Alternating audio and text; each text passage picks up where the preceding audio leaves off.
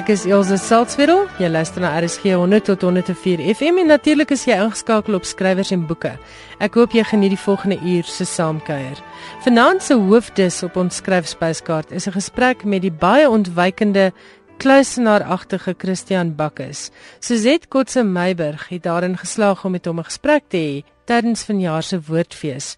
Nou soos almal weet of party lesers dalk nie weet nie, Christian woon in die Boondes en om hom agter 'n mikrofoon te kry is nogal 'n kuns, maar ons het daarin geslaag. So dit is dan ons groot onderhoud vanaand. Maar eers 'n bietjie nuus oor 'n skryfkompetisie. Die publikasie waarvoor hierdie skryfkompetisie Stories soek is gemik op kinders tussen 9 en 12 jaar oud. Maar skrywers tussen die ouderdomme van 9 en 100 jaar word genooi om in te skryf. Daar's twee kategorieë: kort stories van 100 tot 500 woorde wat kinders lekker bang sal maak of lekker sal laat lag, en dan liefdesverhale van 1000 tot 3000 woorde wat op jong lesertjies tussen die ouderdom van 9 en 12 gemik is. Vir insluiting in die publikasie sal verhale gekies word op grond van oorspronklikheid, kreatiwiteit en vermaaklikheid. Die doel van hierdie klik klik skryfkompetisie, soos dit bekend staan, is tweeledig. Eerstens om jong Afrikaanse lesers aan te moedig om te lees en tweedens om ongepubliseerde Afrikaanse skrywers en dalk ervare skrywers 'n kans op publikasie te gee. Lekker leespryse is op die spel. Onder meer 'n e-leser en kalahari.com geskenkbewyse. Die sluitingsdatum vir die skryfkompetisie is 30 April. So jy het so 5 weke vir 'n pennevrug. Inskrywings en navrae kan gestuur word na sam@buitendag.co.za. Die buitendag spel mens met 'n CH op die einde. sam@buitendag www.co.za of stuur 'n Facebook boodskap. Gaan klik eenvoudig op hulle blad op Facebook. Dit is klik klik, die Afrikaanse klik, K L I E K, gevolg deur C L I C K. Klik klik, Afrikaans en Engels met ander woorde, is die Facebook bladsy se naam. Ek plaas ook 'n skakel na klik klik se Facebook bladsy op ons skrywers en boeke Facebook. Dan het die organiseerders van die Franshoek Literary Festival laat weet dat besprekings vir hierdie wonderlike letterkundige fees pas geopen het. Dit vind plaas van 16 tot 18 Mei. Daar's nie minder nie as 172 skrywers en kenners wat gaan deelneem aan 102 geleenthede tydens hierdie fees wat van Vrydag 16 Mei tot Sondag 18 Mei plaasvind. Daar's ook heelwat opvoerings en ander geleenthede wat as deel van die fees plaasvind. Gaan kyk na die volledige program op www.flf.co.za en die kaartjieverkope het vandag geopen. Ek hoop om binnekort met die organiseerders 'n gesprek te hê oor al die lekkertes op die feespyskaart.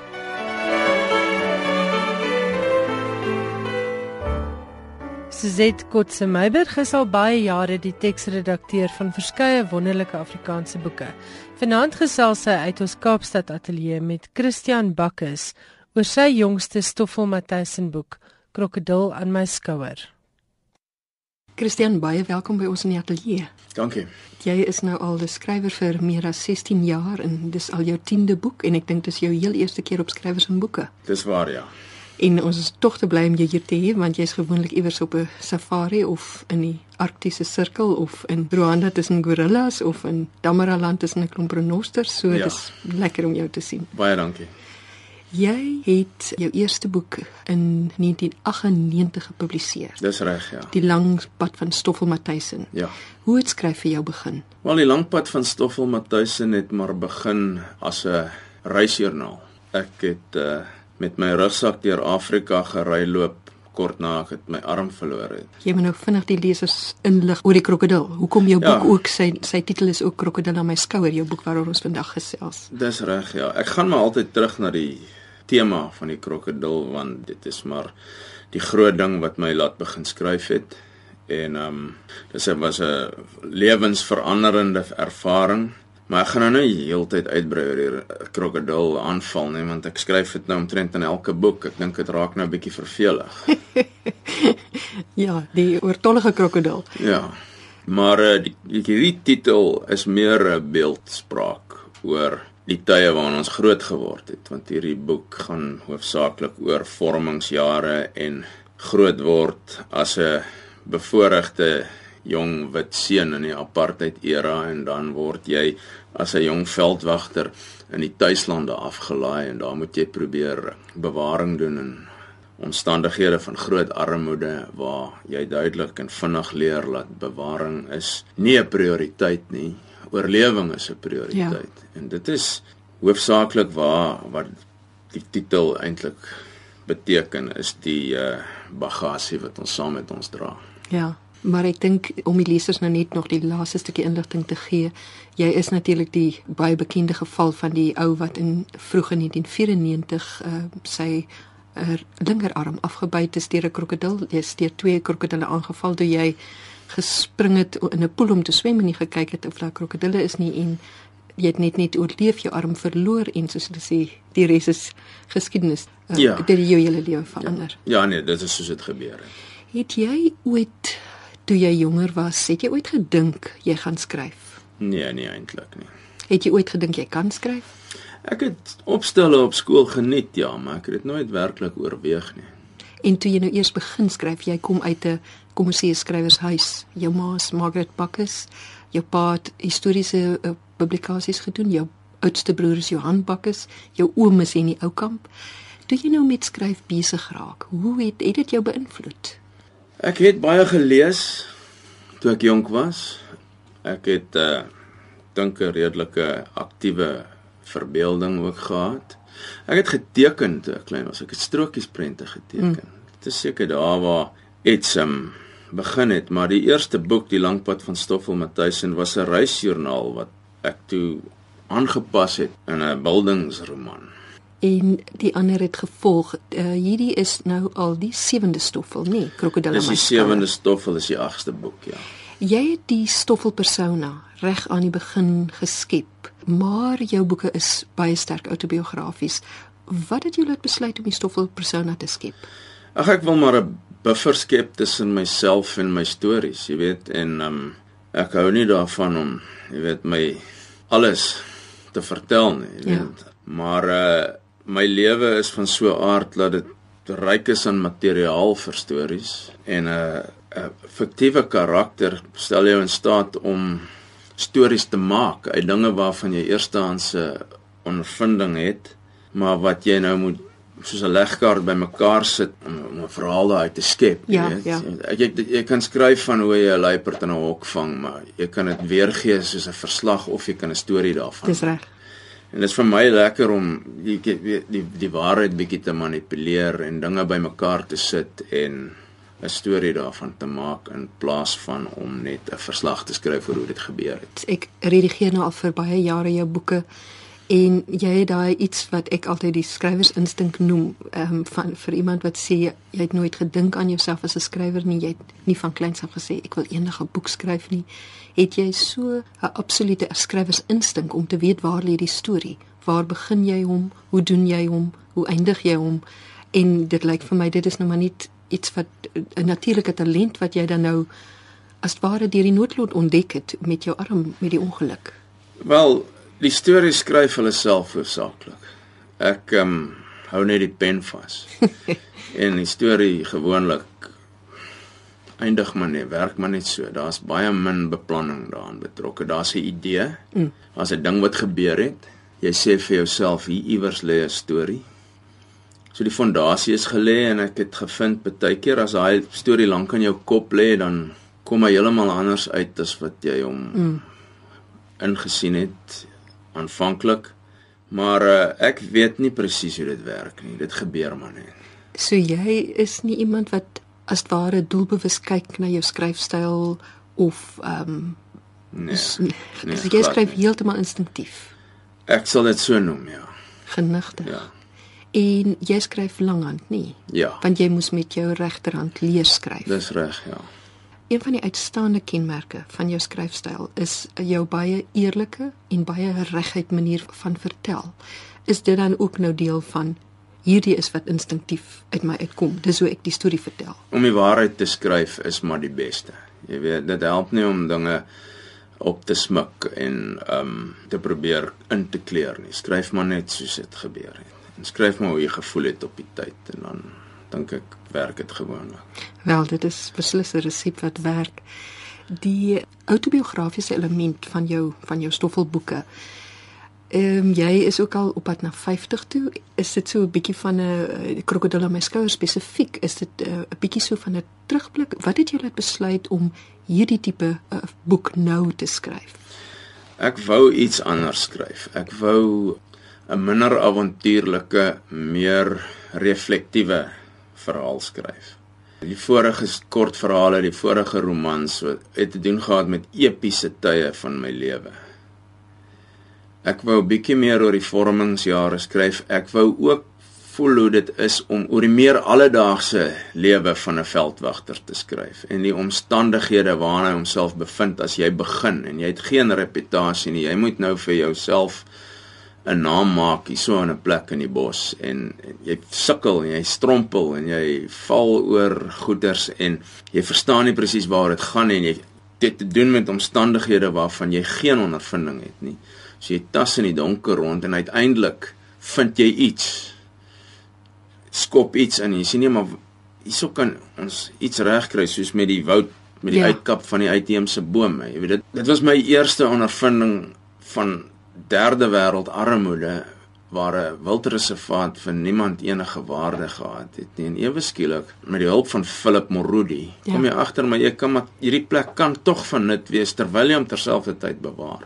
En dan van daar af kom die proses dat jy jy onidentifiseer dinge wat jou lewe vir jou in 'n rigting kan stuur en so leer jy. Ons ja. is jy weet as 'n student veldwagter het ek met baie min ehm um, ek het baie min leiding gehad. Ek's ja. maar afgegooi in die bos en ek moes oorleef. En so het jy geleer en dan, dan kom jy agter maar wat jou al die beginsels wat jy op tegnikon geleer het met natuurbewaring is nie hier van toepassing nie. Ja. Hier moet jy nou iets anders probeer.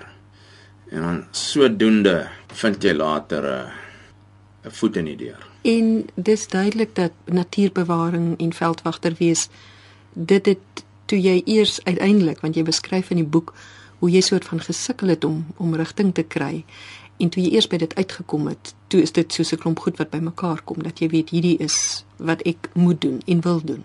Ja, nee, absoluut. Kyk, ek sê dat ek kan onthou wou ek in die veld wees. Mm. Jy weet dan ek wou ek 'n avontuurlike lewe in die buitelewe. Ek het nie presies geweet hoe om dit te doen nie. Ja. Ek natuurbewaring het vir my 'n goeie idee geklink op 'n stadium nadat ek eers 'n bietjie rondgeval het. Maar toe ek dit nou eers gaan studeer het, toe gee dit vir my ook 'n rigting en dit wys vir my nee, maar hierdie is 'n hierdie is 'n rigting 'n beroep waarin mense verskil kan maak, waar ja. iets kan bydra. En dit is maar hoe dit begin het. En hoe was die oorgang toe na safari gids wees? Wel dit het baie te doen gehad met die verlies van my arm. En ehm um, ek moes so by so 'n nuwe weg vind. Ek was eers betrokke in gemeenskapsbewaring in die Kaapveld. Dit is waar ek is aangestel deur die WWF om projekbestuurder te wees van 'n gemeenskapsbewaring projek. Wat baie interessant was wat ook vir my 'n geweldige leerkurwe was. Maar die werk was skaars en toe my kontrak beëindig toe toe wou ek nie uit die area uitgaan nie en ek wou nog steeds betrokke wees daar. En toe sluit ek by 'n safari maatskappy aan wat hulle self roem op hulle bewaringsbeginsels, hmm. hulle gemeenskapsbeginsels en hoe hulle probeer 'n bydrae lewe in die area. En dit was toe die perfekte voertuig vir my om in die safari bedryf in te kom want hoewel jy daar betrokke is met safaris is in daai area is daar soeke min hulpbronne. Ja. Dat as jy 'n voertuig en 'n kamp en werks gee vir mense en opleiding verleen, dan raak jy uiteindelik by alles betrokke. Ja. Kort voor lank dan doen jy safaris, maar jy help ook om renosters te vang en jy help om stroopers te agtervolg en jy bou 'n skool en jy weet ja. dan word jy maar net deel van die gemeenskap weer eens. En ek moet nou eerlik sê, die hele idee van safari kliënte, die tipe mense wat na julle kom is meestal oorseese mense, ja. dis mense wat met dollar en pond kan betaal vir duur safaris wat Suid-Afrikaners in rand meeste van die tyd nie kan doen nie. En in alle eerlikheid, my persepsie van daardie tipe van ryk bedorwe mense is dat jy weet dis maar nog net nog 'n fad. Dis nog net nog 'n plesiertjie. Hoe ervaar jy hierdie hierdie mense wat op julle safaris kom? Ja, nee, ek verskil met jou heeltemal daar. Mm die mense wat van oor die wêreld saam met my op safari kom is van die beste mense wat ek ken. Mm. En hulle hulle het daai avontuurlike instink, jy weet vir 'n Amerikaner om Namibië toe te kom en dan besluit hy hy gaan skedelkus toe. Ja. Jy weet dis 'n avontuurlike mens. Dis 'n ou wat baie bereid is om uit sy gemaksone uit te gaan. Mm. Dis en dis 'n mens wat gewoonlik goed gereis het deur die wêreld, wat geweldige kennis het en insig het oor oor dinge. Dit is 'n ou wat leergierig is. Mm. So ek vind van my safari, ek noem hulle nie kliënte nie, ek noem hulle gaste. Ja. Hulle word van my beste vriende en hulle kom terug elke jaar. Hulle verryk my Ja. deur die stories wat hulle vir my vertel en ek probeer om vir hulle 'n wêreld oop te maak en ek vind dit uiters bevredigend. Ja, so dit is nie hierdie tipes wat net inflits met 'n ja. blink vliegtyg en uitflits nie. Nie nie waar nie waar ons bly nie. is dit nie vir inflits en uitflits nie? Ja, ja. En jy het nou al twee Engelse publikasies. Dit is 'n keur van jou Afrikaanse verhale wat dan vertaal is vir twee Engelse bundels in Bushveld in Desert, 'n uh, uh, Game Rangers Life en Ja. dan Bushveld Desert and Dogs. Dis reg. Ja. Ehm um, en hoe koop jou safari kle- Ja. ja. gaste van die Ja. ja. boeke? Hoe is hulle reaksie daarop? Nee, hulle geniet dit.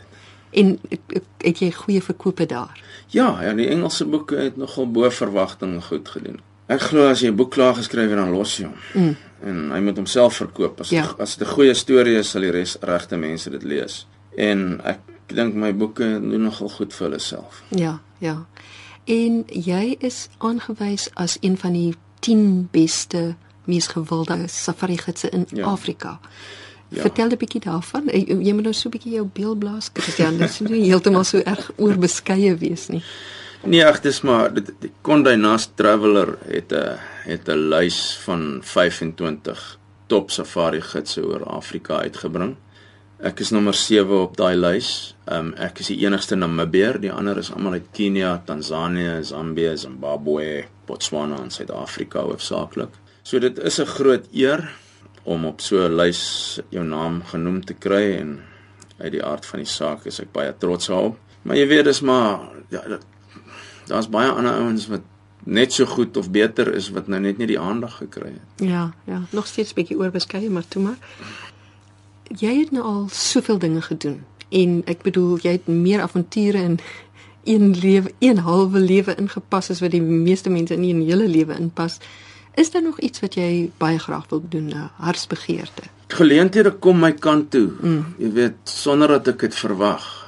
Jy weet ek het al op 'n verhoog in die House of Blues in New Orleans musiek gemaak saam met Nick Mason van Pink Floyd en Robbie Robertson en en en en Dan Aykroyd het die backfluitjie gespeel, Ja. jy weet. In my wildste drome sou ek so iets verwag nie. Ek het al met 'n jag deur die noordwestelike seeroete in die Arktiese sirkel tussen Kanada en en die Noordpool geseil. Mm. Nie in my wildste drome het ek gedink dit sou gebeur. Ja. Jy weet, op my gelukkigste is ek nog maar steeds daar in Damaraland en Kakoveld in die woestyn, jy weet.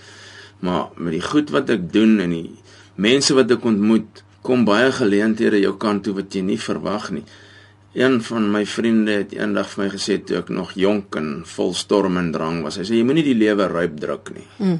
En ek lewe nou volgens daai filosofie en ek weet die volgende verrassing lê om die hoek en dit gaan net so wonderlik wees soos enigiets anders. So ek het nie 'n emmerlys nie.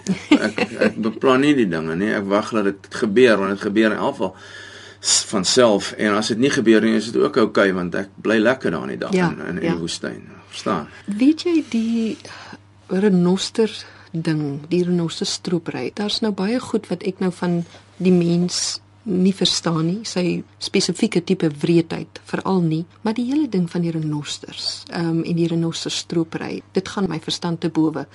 Wat is jou hele perspektief daarop? Ja, hierdie ding kom 'n lang pad uit. Hy het so 'n paar jaar terug epidemiese het 'n epidemie geword. Die rede daarvoor is ons monitor hierdie goed op sekuriteitswerkswinkels wat ons in Namibië doen. En ehm um, wat gebeur het is blykbaar 'n waardige amptdraer in Vietnam is wonderbaarlik van lewerkanker ehm um, gered deur 'n nosterhoring en Ah, ja, daarna het die het die aanvraag in die verre ooste die hoogte ingeskiet. En nou is dit 'n obsessie by hulle om dit goed te bekom. Dit word gebruik as 'n aanvullende medisyne en hulle glo daaraan. Dis 'n diep gewortelde tradisionele geloof en ehm um, die aanvraag is geweldig groot. Dit raak regtig 'n probleem. Daar selfs 'n groep handelaars wat die renoster doelbewus wil uitwis sodat die hulpbron nie hernubaar word sodat hulle die prys hoog kan opstoot as wat hulle wil met hulle opgepotte ja, bronne. Ja, so dit is 'n groot probleem. In Namibië het ons nog nie die gevaar wat in Suid-Afrika gebeur nie, maar die skrif is aan die muur, die tekens is daar. Ja. Dit gebeur al op klein skaal in in in ons area. Ons was gelukkig met vroeë deurbrake wat ons skuldiges gevang het op die oomblik in die hof. Wil nie te veel daaroor praat nie, maar daar is handelaars in plek. Daar is 'n uh, natuurlike groot invloed van Chinese besigheidsmense en miners wat as middelmanne optree. Ja. So die gevaar is dat dit is 'n vir ons 'n verskriklike ding, 'n groot probleem, 'n groot bron tot kommer. Namibië is definitief die land wat die leiding geneem het in swart renosterbewaring. Ja. Maar neem in ag daar is 4000 plus swart renosters oor in die wêreld. Mm. Namibië die meeste swart renosters ter wêreld, maar dis nie baie nie. Ja. So dit is so 'n sensitiewe situasie dat ons net voel alle hulpbronne moet aangewend word om dit te bekamp.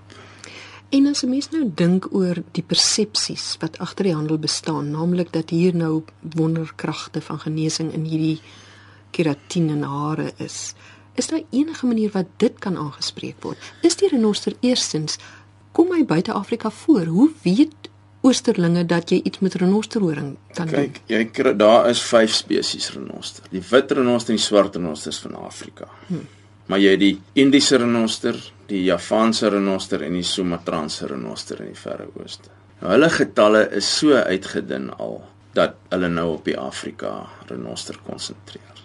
En dit is waar die oorspronklike geloof vandaan kom.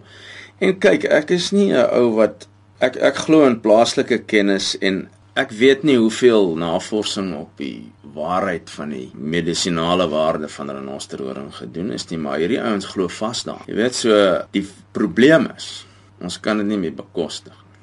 Ons het nie meer renosters oor om te spaar nie.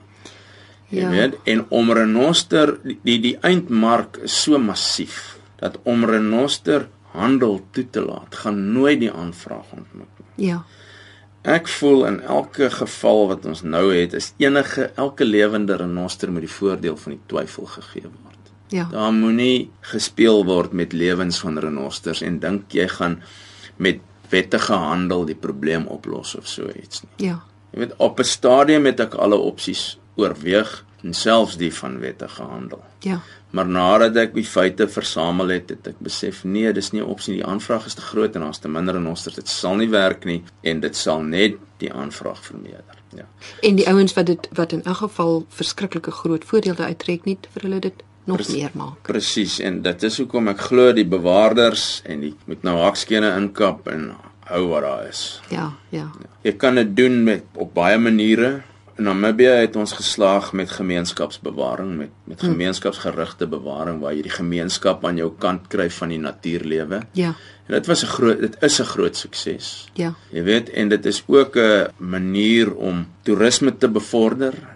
As 'n ou renosterstroper weet sy dogter en sy seun werk as gids en chef van 'n safari kamp, dan gaan hy twee keer dink om mm. renosters uit te wis. So dis een manier om dit te doen en dis waar hoofsaaklik waarop ons konsentreer in ons area. So jou idee is nie dat 'n mens as ware die probleem in Asië moet probeer oplos nie, jy moet hom hier probeer oplos. Hier en daar. Mm.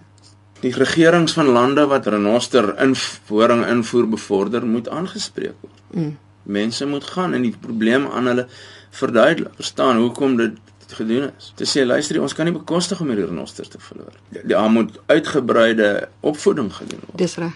Nie hulle geloof aanval en sê maar daar's geen waarde in renostering. Los dit. Sê net ons het nie meer renosters nie. Ja, ja. Ons wil hulle bewaar. Ja. Ons wil hulle oppas. Hulle was hier toe ons hier gekom het. Ons het geen reg dat hulle nie meer hier is as ons as ons weggaan nie. En dis sulke uitsonderlike diere. Presies, presies. Ek wil hê jy moet vir ons 'n stukkie lees uit Krokodil aan my skouer, sommer net so vir die plesier daarvan vir die luisteraars.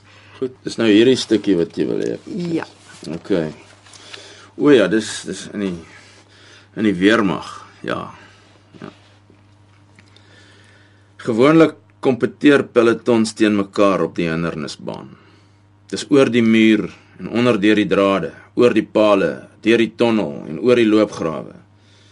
Die peloton wat eerste klaar maak, wen. Op 'n keer loop ons peloton voor. Dit gebeur nie gereeld nie. Ek kom gehavend agterna. Maar haal alles uit om by te hou.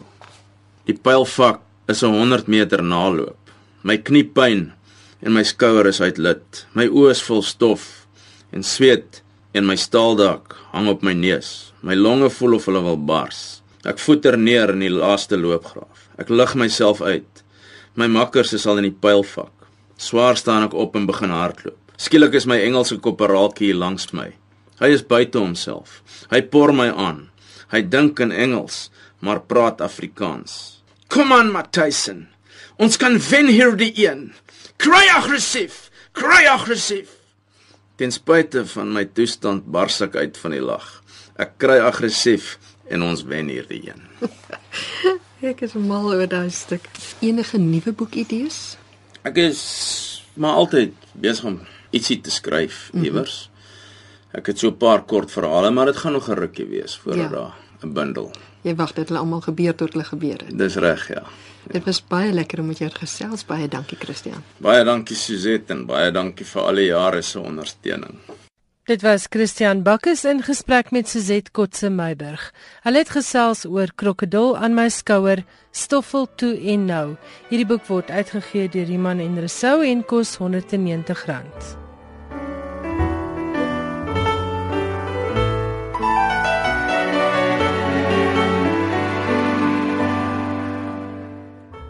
Nou is dit tyd vir die beloofde gesprek met Kyna Swart. Ek hoor baie dikwels by ma's dat hulle kinders nie wil lees nie. Ek gesels nou met Kyna Swart, self 'n kinderboekskrywer en ma van 3 baie leesgierige kinders. Sy gee 'n paar wenke oor hoe om kinders aan die lees te kry en aan die lees te hou en ons gesels ook sommer oor haar jongste tienerroman. Nou ek het al met jou twee dogtertjies op die program gepraat oor hulle gunsteling jeug- en kinderboeke verlede jaar Kyna. So dis nou vir my lekker om die ma op die program te hê. Baie welkom. Dankie Ilse, dit is lekker om hier te wees. Kyna, jou kinders is regtig ywerige lesers. Jou oudste het boekresensies geskryf vir rapport en op Facebook sien ek die drie is altyd maar doenig met boeke. Hoe doen jy dit? Ek het nie 'n uh, doelbewuste poging aangewend om lesers groot te maak nie. Ek het maar eintlik net vir my kinders gedoen wat ek self die meeste van hou. Stories vertel, gelees, woordspeletjies gespeel, prentjies gekyk en soms stories vertel en so aan dieselfde wat my ouers maar as kind met my gedoen het. En weet jy wat iewers langs die pad het daai wonderwêreld van lees vir hulle net oopgegaan en ek moet vir jou sê dit is ongelooflik lekker vir 'n ouer want behalwe vir vir die boek lekkerte is dit ook so dat ons almal weet ons nou maar kinders wat sukkel om te lees sukkel om te leer. So by die skool is dit nie vir hulle moeilik om te leer nie. En jong, ek as ek nou so kyk wat leer hulle al hier van graad 3, graad 4 af deesdae. Dis groot woorde, fotosintese en osmose en al daai goed en as 'n kind dit nie kan lees nie, dan is dit soveel moeiliker om dit te leer. Ek stem saam met jou. Ek hoor baie keer by nie lesende ouers die klagte dat hulle kinders nie lees nie. Dan wonder ek nou, hoekom sal jou kind lees as hulle jou nooit met 'n boek in die hand sien nie? Hoe belangrik is dit dat kinders jou moet sien lees? Ek dink dit is baie belangrik dat 'n mens nie jou lees vir jouself hou nie. In ons huis weet kinders dit is 'n lekker ding wat ons doen. As dit so motreën en veral in die winter dan hol ons vir die kaggels en elkeen kry 'n kombers en ons het 'n hond en 'n kat en elkeen het 'n boek en dis 'n gesinsding en dis 'n rustige ding. Ook die besoeke aan die aan die boekwinkels. Ek het van kleins af vir my kinders geleer dis 'n uitstappie, maar 'n rustige uitstappie. Ons gaan nou nie instorm en soek en koop en huis toe gaan nie. Ons gaan nou daar bly vir 'n uur of twee. So jy kan deurblaai en Daar's lieflike koffiewinkels deesdae in van die boekwinkels. So jy kan sit en deurblaai en besluit wat jy wil hê en dis sommer 'n hele oggend uitstappie. Nou, hoe het jy jou kinders gekry om aan die lees te raak aan Engelse boeke? Want ek ek dink dit is heeltemal 'n ander uitdaging. Om te lees is een ding, maar om hulle dan te ooreed om Afrikaans te los en 'n bietjie weier te verken is 'n totale ander ding, maar baie noodsaaklik. Ek jou sê die feit dat kinders letters moet herken voor skool is vir my baie belangrik en ek het gesien dit is nodig vandag dat jou kind hoef te kan lees as hy skool toe gaan nie. Maar as jou kind basiese letterherkenning kan doen, dan kom lees vir hulle baie makliker sodra dit by die skool gedoen word ek het vir my kinders baie voorgeles. Ek het ook 'n bietjie Duitse boekies en Franse kinderboekies en so aan probeer lees, Engelse boekies net om hulle gewoond te maak aan hoe dit klink. Maar ek het nie doelbewus gesê vandag gaan ons Engels lees nie. En toe dit by die skool oor hulle pad kom, toe is dit vir my asof hulle dit veel maklik opgetel het. Dan moet ek vir jou sê, ek en my man is nie fisieke TV-kykers nie, maar die kinders is nogal so nou en dan. En ek dink regtig vandag se kinders stel die Engels baie mooi op TV op. Jy praat van die boekwinkel uitstappies. Nou, hoe gereeld neem jy jou kinders boekwinkels toe en van watter ouderdom af het jy begin met biblioteek en en boekwinkel uitstappies? Jong, dit kan 'n dier storie word daarin. ja, ek dink 'n biblioteek um, is goedkoper, né? Dis goedkoper ons dorp het ongelukkig nie 'n biblioteek nie. So ek het nou maar um, in die omgewing uitgevind waar is daar baie mooi boekwinkels en hulle bied deesdae vreeslike mooi programme ook aan. Daar's een spesifieke boekwinkel in Johannesburg waar waarheen ons nou en dan gaan wat so interaktiewe boekwinkel is. Hulle het 'n glashuisbak wat op en af ry in die winkel en daar's 'n visbak met visse en boeke in wat verdryf en Ons gaan vir 'n hele dag sien toe en dan speel hulle ook in die boekwinkel en blaai deur en kyk daar so tonnels waar die kinders kan kruip. Dan sê ek gewoonlik voor die tyd ons gaan so 2 ure of so hier wees. Elkeen kan 2 boeke kry of elkeen kan 1 boek kry, maar jy kan deurblaai soveel as wat jy wil. En um, my oudste lees nou op die stadium so baie dat ons toe nou maar gesoog het en vir 'n e-leser gekoop het. Ek dink dis goedkoper um, uiteindelik, né? Nee dit verwektief goedkoper uit, maar sy's nog steeds lief daarvoor om so nou en dan 'n regte boek vas te hou. En waar is hierdie boekwinkel? Dit is die Scoops Theatre of Books in Monte Cassino. Dis baie lekker nuus om te hoor dat daar soveel moeite gedoen word ja. en sommer hier in Johannesburg onder ons neuse. Maar kom ons praat gou oor ja. jou boeke. Jy is 'n kinderboekskrywer en ek het nou al van jou werk gesien en ek dink jy kry dit baie goed reg om in 'n kind se kop in te kom. Vertel gou vir ons van jou boeke tot dusver en dan spesifiek van jou nuwe boek. Ek moet net eers vir jou sê die nuwe boek is vir my ook 'n nuwe ding gewees. Dis 'n tienerboek. Sy naam is Blou Jaar ek skryf kinderboeke vir kleuters en koerantstories en rubrieke vir volwassenes. Vir die tieners is op hierdie stadium vir my 'n baie vreemde spesies. ek moet vir jou sê, ehm um, ek het nie met blou jaar probeer om tieners te verstaan of in hulle koppe in te klim of so iets nie. Ek het net hierdie storie gehad wat in my hart loop vassit het wat net moes uit. So ek is bietjie bewerig vir Bloujaar, dis heeltemal uit my gemaksone uit. Maar my kinders het hom gelees en ek moet vir jou sê hulle het nou deernag gelê en lees en hulle is baie krities hoor. Jy het gedigte resensente daar in jou eie huis. Waaroor gaan Bloujaar? Ek sê wat Bloujaar is die storie van Rampie Malherbe. Hy's 'n gewone 11-jarige seun in 'n gewone huis met 'n pa en 'n ma en twee sissies. En dan gaan speel hy een Saterdag saam met sy pa golf en 'n vreeslike ding tref die gesin die dag, onverwags uit die bloute uit. En dan elkeen van hulle beleef en ervaar dit heeltemal anders. Maar Bloujaar is Rampie se storie. So ja, en ek skryf ook voor in my boek. Ek het ek dra hierdie boek op aan al die kinders wat iewers in my lewe saam met my op die skoolbanke gesit het, want ek het baie by hulle afgekyk en uitgekyk en ingekyk.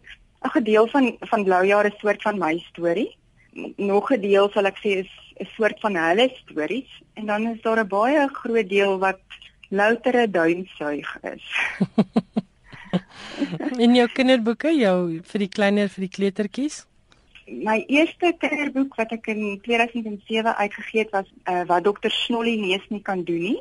Dit is 'n boekie wat baie um, in terapie gebruik word by veral van die Abraham Kriel kinderhuise gebruik die boek. En dan het ek daarna so regte seentjie boek geskryf want my seentjie het nie van die pink voorblad van dokter Snolly neus gehou nie. Hy het gedink dit is baie dogtertjierig. Mhm. So Bleek Benny se woeste hoes is 'n regte seentjie boek met grillerige, grieselrige seentjie goeters in. Mhm. En uh die Kaapse illustreerde Duil Blankenaar het die pragtige illustrasies vir daai ene gedoen. En jy het vir een van hulle 'n ATKV kinderboekveertjie gewen. Vertel daarvan. Ja, dit was die die middelste een. Hoekom praat groot mense so snaaks?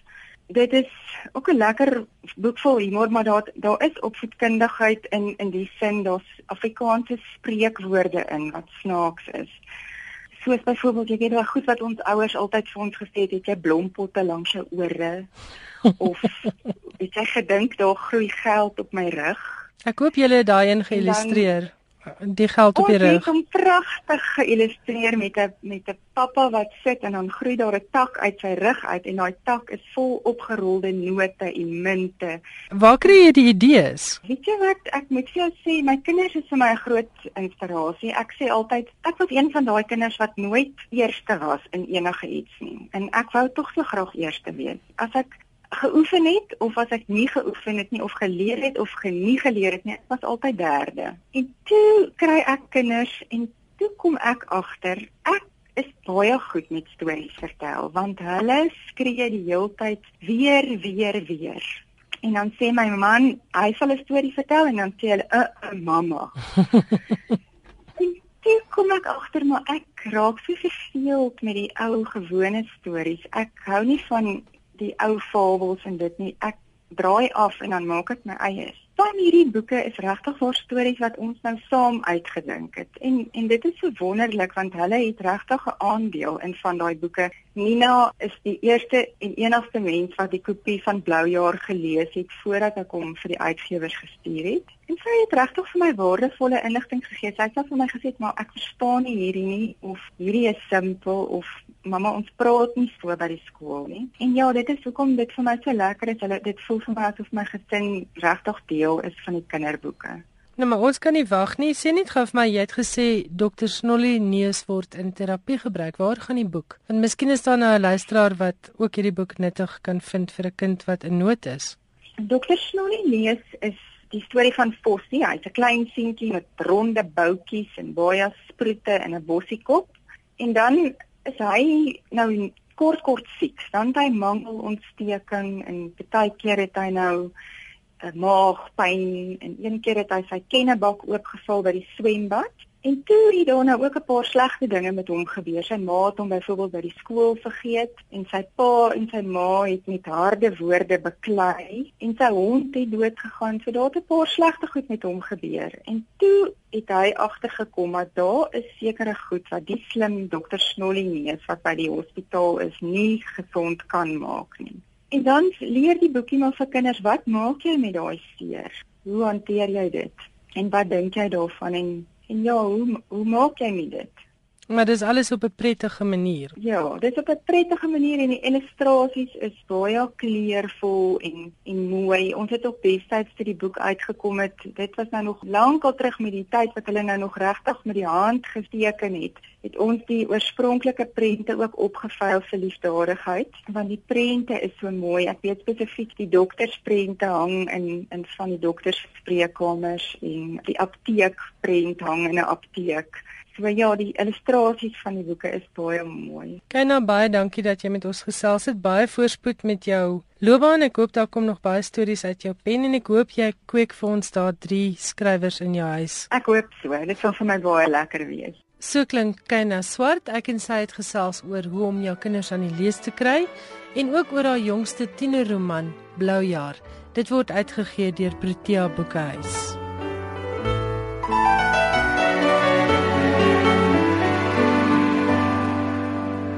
By my in die ateljee is Johan Meiburg, soos altyd met internasionale boeke nuus. Jy sê jy terugvoer oor die Anne Frank boeke debakel in Japan. Ja, ons het 'n paar weke gelede gepraat oor die Anne Frank boeke wat so deurgeloop het in Japan. Nou die polisie in Tokio 'n man in hegtenis geneem wat verdink word dat hy die boeke beskadig het.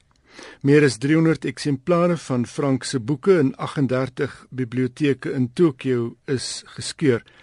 In haar bekende dagboek vertel Frank hoe lede van haar gesin in Amsterdam geskuil het vir die nasies voordat hulle na die kampe gestuur is. Die gearresteerde man het erken hy het die blaaie uit die boeke geskeur. Die Japanse media is uh, is aan die wonder of daar nie dalk verstandelike probleme by die man sou kon wees nie. So dis toe nie politiek nie, dis toe, toe gestremdheid nee, van 'n Almal het gedink daar sit 'n daar sit 'n klein bietjie van 'n politieke koneksie in ja, Japan. Ja, ja. Okay. Wel, dis darem op 'n manier goeie nuus, nou. Dis darem OK. Nog nuus. In twee gevalle het Britse skrywers die afgelope week nie so goed presteer as hul Amerikaanse ewe knieë nie. In die geval van die eerste Folio-prys vir letterkunde het die Amerikaner George Saunders die prys van sowat 700 000 rand opgeraap uit 'n lys van 8 benoemdes wat net een Engelse skrywer, Jane Gardam, ingesluit het. En toe die benoemingslys, die dis die lang lys vir die Baileys prys vir vroue wat fiksie skryf bekend gemaak is, was net 4 romans uit die 20 die werk van Britse skrywers. Maar eers terug by die Folio prys.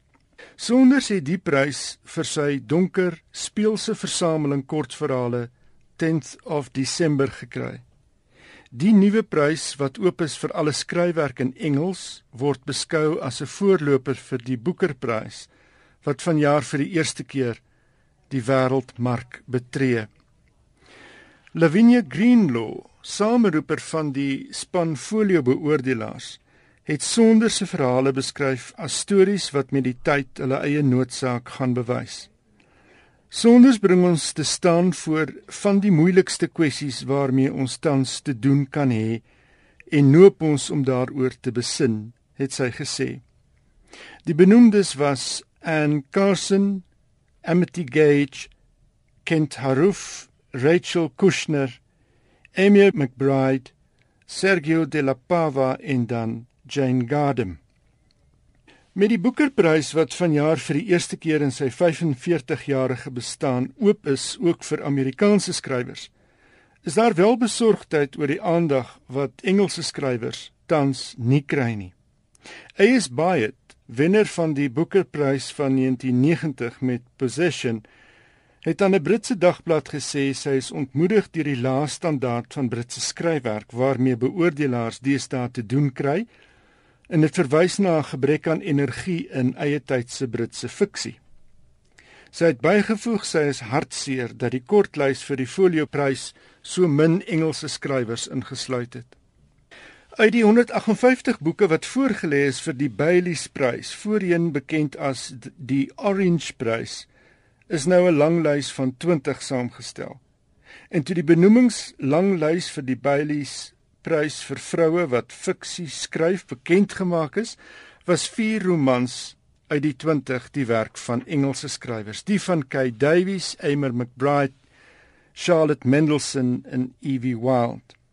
Van Afrika is Chimamanda Ngozi Adichie van Nigerië benoem vir haar Americana. Alle oos egter op die Kanadese skrywer Margaret Atwood vir haar Mad Adam, die Kanadees-Nieu-Seelandse Eleanor Catton met haar The Luminaries, die boek waarmee sy verlede jaar die Booker-prys gewen het, en die Amerikaanse skrywer Donna Tartt vir haar The Gold Fringe. Die kortlys word op 4 Junie aangekondig. En dan so 'n bietjie opslaa in die Midde-Ooste verlede week is die nuwe rolprent van Darren Aronofsky met Russell Crowe in die rol van Noag in verskeie Midde-Oosterse lande verbied omdat Islam die Bybelse figuur as 'n profeet erken. Op die onlangse internasionale boekemark in Riyadh in Saudi-Arabië is die werk van die Palestynse digter Mahmoud Darwish verwyder omdat dit godslasterlike gedeeltes sou bevat. Darwish, gebore in 1941 en dood in 2008, is in sy lewenstyd gereken as die nasionale Palestynse digter en word beskou as een van die moslimwêreld se belangrikste moderne digters. Hy het Palestina metafories besing as 'n verlore paradys as die simbool van geboorte en herlewing. En hy het geskryf van die ellende van ontheemding en ballingskap. In 'n verklaring het die Engelse pen die verbod beskryf as sensuur op een van die moslimwêreld se belangrikste moderne digters. Dis verregaande en teleurstellend, lui die verklaring dat die Saudi regering toelaat dat 'n klein groepie mense die digwerk van een van die moslimwêreld se belangrikste digters kan sensureer. The Guardian haal 'n blok aan wat berig daar is weliswaar 'n paar probleme op die Riyadh boekemark wat vryheid van spraak en uitdrukking aan bande lê, soos dat mans nie boeke mag hê wat geteken is deur vroue skrywers nie en dat mans by die toeganghek ook aangespreek kan word as hulle hare te lank is. Johan, baie dankie, soos altyd baie interessant. Dankie.